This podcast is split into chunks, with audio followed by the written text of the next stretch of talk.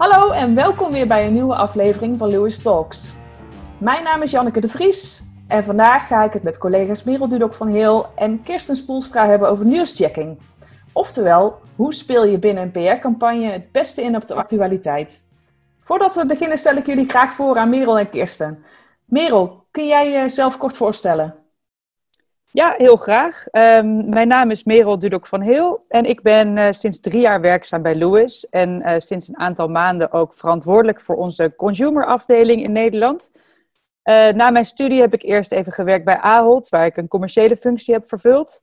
Maar al snel ontdekte ik dat ik de creativiteit aan bureauzijde wel erg interessant vond en ben ik eigenlijk de PR-wereld ingerold. Hier ben ik inmiddels bijna acht jaar werkzaam en uh, samen met een enthousiast team bij Lewis van consultants met verschillende achtergronden werken wij dagelijks aan de profilering van onze klanten in de media. Een paar van onze klanten zijn bijvoorbeeld Deliveroo, Park Mobile, Netcare en Pathé Thuis. Uh, en samen met deze klanten werken we aan hun communicatie- en PR-strategie om op die manier bij te dragen aan hun doelstellingen. Dankjewel, Merel. Uh, Kirsten, vertel jij eens iets over jezelf.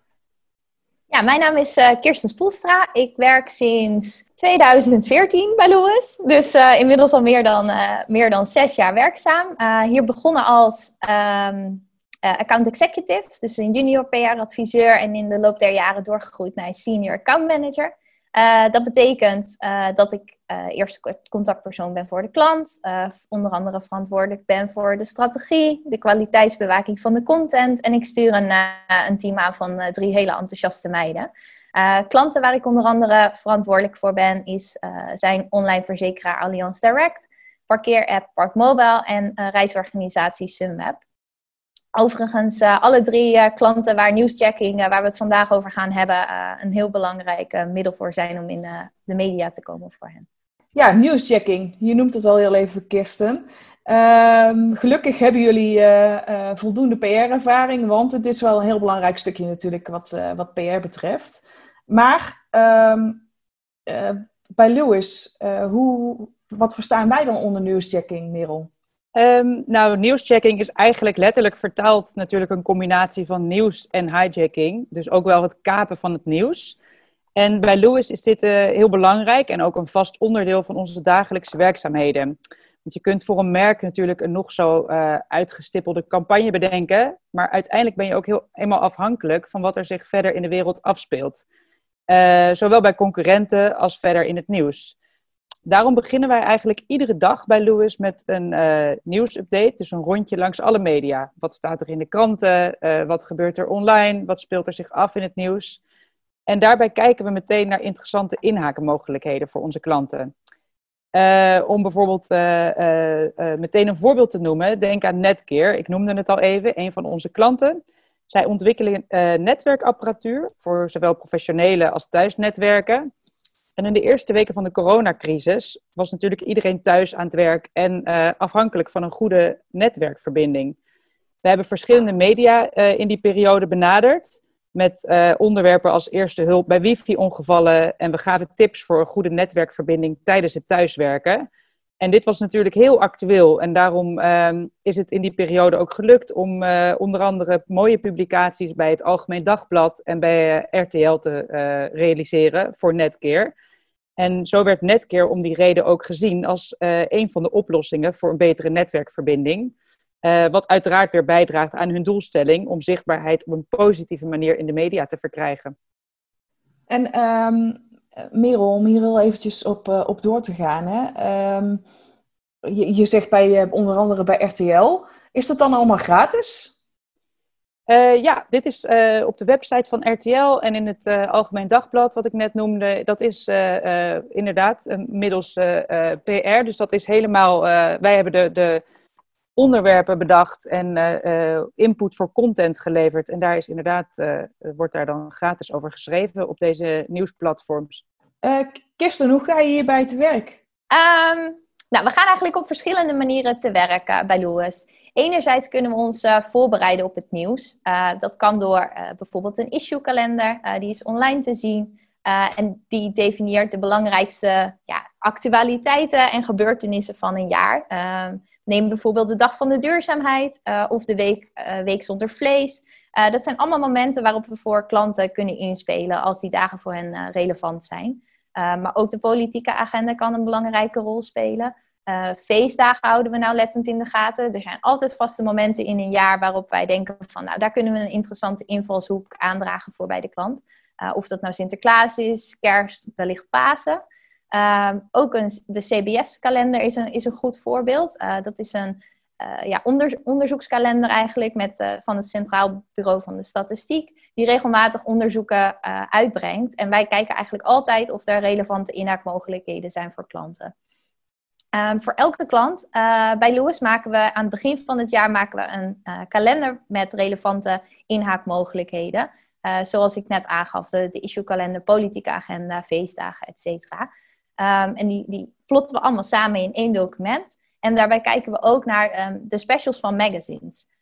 neem bijvoorbeeld oktober. Oktober is echt de interieurmaand. En dan komen er specifieke specials uit van magazines. Als we dat van tevoren al in kaart hebben, welke specials dat zijn, welke journalisten daarbij betrokken zijn, kunnen we op die manier uh, nieuws checken door hen op tijd van relevante input te voorzien van onze klanten. Um, ik gaf het al aan, de issue kalender. Um, een concreet voorbeeld daarvan is uh, nou ja, Week zonder vlees, die ik zojuist al benoemde. Um, wat we daarvoor hebben gedaan is voor onze klant Deliveroo hebben we gekeken of het aantal vegetarische bestellingen in die week zijn toegenomen op basis van hun data. Data is een hele relevante manier om journalisten van relevante input te voorzien voor hun nieuwsartikel. Wat we hebben gedaan is met, met die relevante data, zij zagen inderdaad een toename van het aantal vegetarische bestellingen. En we hebben contact gezocht met um, een journalist van het Algemeen Dagblad. Uh, die was met dat onderwerp bezig. Uh, dus op die manier konden we het, uh, ja, het nieuws checken uh, letterlijk. En dat zorgde weer voor een mooie publicatie in ja, een van de grootste nieuwsmedia van Nederland, waar Deliveroo ook zeer tevreden over was. Um, dat zijn dus enerzijds zijn dat, ja, hoe je je kan voorbereiden op het nieuws, omdat je al weet dat die dag er gaat aankomen, wanneer dat er aankomen. Maar aan de andere kant heb je ook natuurlijk de actualiteiten. Merel noemde het zojuist al. We starten hier elke dag uh, bij Lewis met een nieuwsupdate. Uh, we nemen de kranten door. We kijken de online media na. En we kijken of er relevante invalshoeken zijn voor onze klanten. Waar zij van af dienen te weten. Maar ook om te kijken of uh, zij daar een relevante visie over hebben. Of interessante inzichten op basis van data. Of wellicht een relevante woordvoerder die we op een specifiek vakgebied naar voren kunnen schuiven. Maar begin maart ging bij bijna elke publicatie de agenda helemaal op de schop door, door corona. Ehm, wat betekende dit voor de campagnes? Um, ja, nieuwschecking is op dat moment een uitdaging. Maar door actief in contact te blijven met klanten, te horen welke invloed uh, COVID-19 heeft op hun business, uh, waar ze mee bezig zijn en dit te linken aan de interesse van de journalisten, uh, konden wij alsnog samen met onze klanten in de media ehm, komen. door de journalisten eigenlijk te voorzien van relevante additionele input vanuit onze klanten. Een concreet voorbeeld is onze klant in Eindhoven, TomTom, uh, die aan de hand van data journalisten goed inzicht kon geven um, in de mobiliteitsstromen in Nederland tot in detailniveau. Um, een ja, eigenlijk een ander voorbeeld van nieuwschecking is door aan de hand van de actualiteiten relevante woordvoerder naar voren te schuiven bij een ja, relevant medium. Um, Neem bijvoorbeeld het, topic reizen. Dat is natuurlijk uh, nu hartstikke actueel. Het reisadvies is soms wat onduidelijk. Het verandert continu. Um, reizigers weten ja, soms niet waar, uh, waar ze informatie uh, vandaan moeten halen. Um, een, een, topic waar onze klant Sunweb Group ja, veel informatie kan over verstrekken. Omdat zij in het hart van de doelgroep zitten. En daar natuurlijk ja, 24-7 mee bezig zijn. wat we daarvoor hebben gedaan is de, de woordvoerder van Sunweb um, ja, eigenlijk te zorgen dat zijn naam overal in de Rolodex van uh, de ouderwetse Rolodex van journalisten uh, kwam en kon. Uh, komt. Onder andere bij de redactie van Bo, het televisieprogramma op actualiteitenprogramma op RTL 4. Ehm, en dan te zorgen dat op het moment dat, dat de journalist of de redactie van een betreffend programma een, ja, woordvoerder nodig heeft die iets kan vertellen of iets kan uitleggen over bepaalde ja, actualiteiten of veranderingen um, op het gebied van, nou, in dit geval, het reisadvies. ehm, ja, dat, dat zijn naam in dit geval ehm, tijdens de redactievergadering wordt genoemd en dat hij uiteindelijk aan tafel belandt bij Bo, wat ook een aantal weken geleden is gebeurd. Dat, dat kwam in een eerdere podcast natuurlijk ook naar voren. Hè? Daar, daar sprak Vera Kops over newsjacking als een essentieel onderdeel van je thought leadership strategie. Dus dat is eigenlijk wat je, waar je nu ook op doelt natuurlijk. Dus op het moment dat jij uh, top of mind bent bij een journalist, dat, dat diegene jou dan ook uh, gaat bellen. Dus, um, maar ja, daar moet je natuurlijk wel uh, enige mate van, ja, van sturing hebben. Maar ja, en die controle uit kunnen oefenen. Hoe, hoe kun je dat nou het beste aanpakken? Um, nou, dat is een goede vraag. Uh, allereerst is het uh, belangrijk om te weten hoe je voor je klanten kunt inhaken op het nieuws. Dus dan heb je het nog niet zozeer over wat er zich afspeelt in het nieuws, maar meer over de boodschap die je wilt uitdragen als, als expert, dus als thought leader ook wel op dat gebied. Want het nieuws is natuurlijk niet te voorspellen, maar de mening die je als bedrijf hebt of als expert binnen een bedrijf, die kun je natuurlijk wel voorbereiden. Dus hoe wij dat regelmatig bij Lewis doen, is dat wij messaging workshops met onze klanten samen houden. Dat betekent dat we tijdens een, een, een, sessie van een dagdeel bespreken hoe wij belangrijke onderwerpen voor hen um, voorzien van de juiste kernboodschap. Dus we kijken echt naar wat zij vinden van een bepaald onderwerp, wat zij kunnen vertellen, ook aan de hand van data, wat Kirsten al eerder noemde. Want de eerste stap is eigenlijk om je boodschap helder te hebben.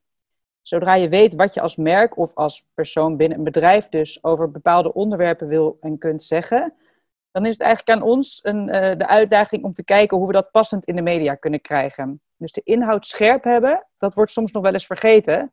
Er wordt vaak gedacht van, oh, we willen hier iets over zeggen, of we, we, dit is een onderwerp waar we op in moeten haken. Maar zonder de juiste boodschap, zonder te weten wat je wil zeggen of wat je kunt zeggen, haak je niet in op de actualiteit.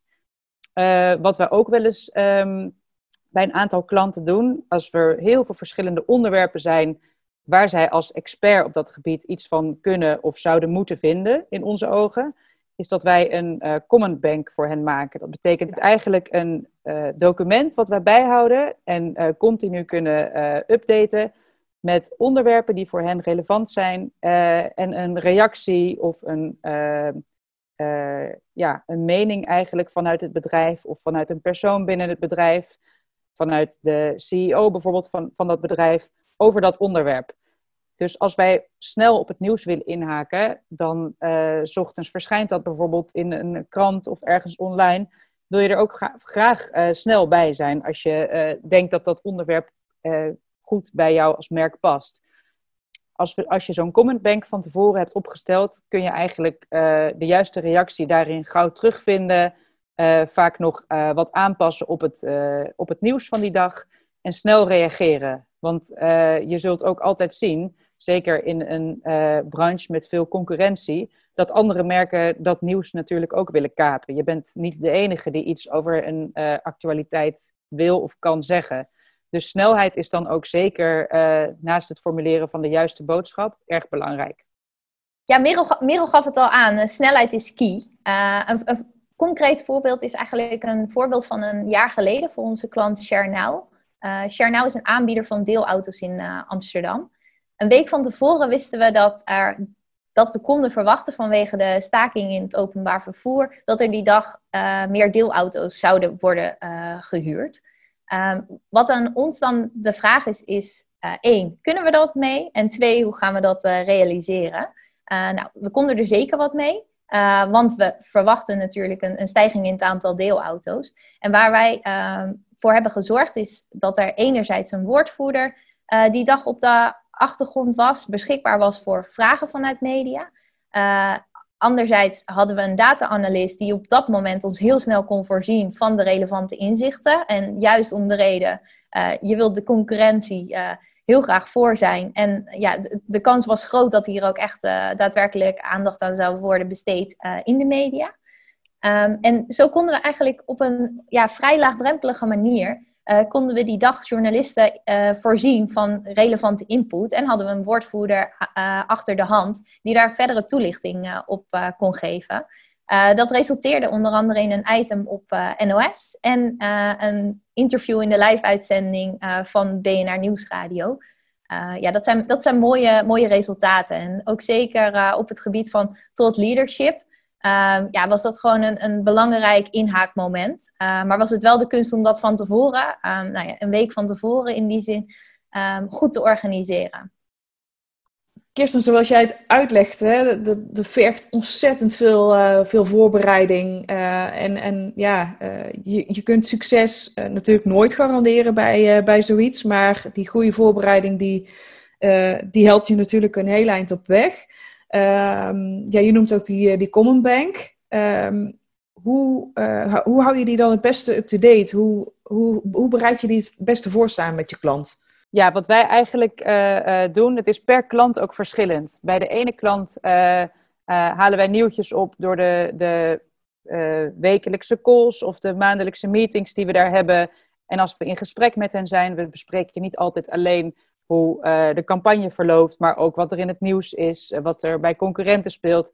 En zo hoor je eigenlijk natuurlijk ook uh, snel wat zij daarvan vinden en wat zij daarover kunnen zeggen en of zij nog aanvullende data bijvoorbeeld beschikbaar hebben, wat daar ook op kan, kan inspelen. Maar er zijn ook klanten waar we op managementniveau één keer in de maand een redactievergadering inplannen lopen we als het ware gewoon echt door de, door de agenda voor die komende weken met de CEO van een bedrijf. Om te kijken wat, um, wat, gaat, wat gaat er allemaal gebeuren, uh, wat staat er op de planning. En op basis daarvan kunnen wij goed inschatten wat uh, interessante onderwerpen zijn die wij ook kunnen gebruiken in onze uh, PR-campagne. En ook kunnen gebruiken om in te haken op het nieuws. Um, Merel, heb je misschien nog wel laatste tips voor onze luisteraars? Een tip voor de luisteraars. Um, ja, die heb ik zeker. Um, wat betreft nieuwschecking, probeer alleen in te haken op het nieuws als je als merk echt iets toe te voegen hebt aan de discussie. Of als je bijvoorbeeld een bepaald publiek wilt bereiken via media, via een bepaalde titel over een onderwerp. Uh, denk vooral niet te veel aan uh, resultaten scoren en mooie coverage in tier 1 media. Het moet wel echt kloppen en passen bij je merk. Denk bijvoorbeeld ook aan uh, politieke onderwerpen. ja, ga goed bij jezelf te raden of je je wel wil verbinden aan dat soort onderwerpen als merk. Uh, gevoelig nieuws, uh, um, ja, denk daar ook bij. Je, moet er geen slaatje uit willen slaan. Het kan ook negatief overkomen en uh, juist irritatie opwekken bij het publiek, bij de lezer of bij, bij de journalist. Dus ja, kijk goed of je um, als expert over een bepaald onderwerp, dus echt als thought leader, iets, uh, iets kunt toevoegen of een discussie kunt uh, opzetten of een onderwerp kunt claimen. Je zegt hierbij eigenlijk dat, uh, dat nieuwsjacking dus absoluut geen doel op zich is.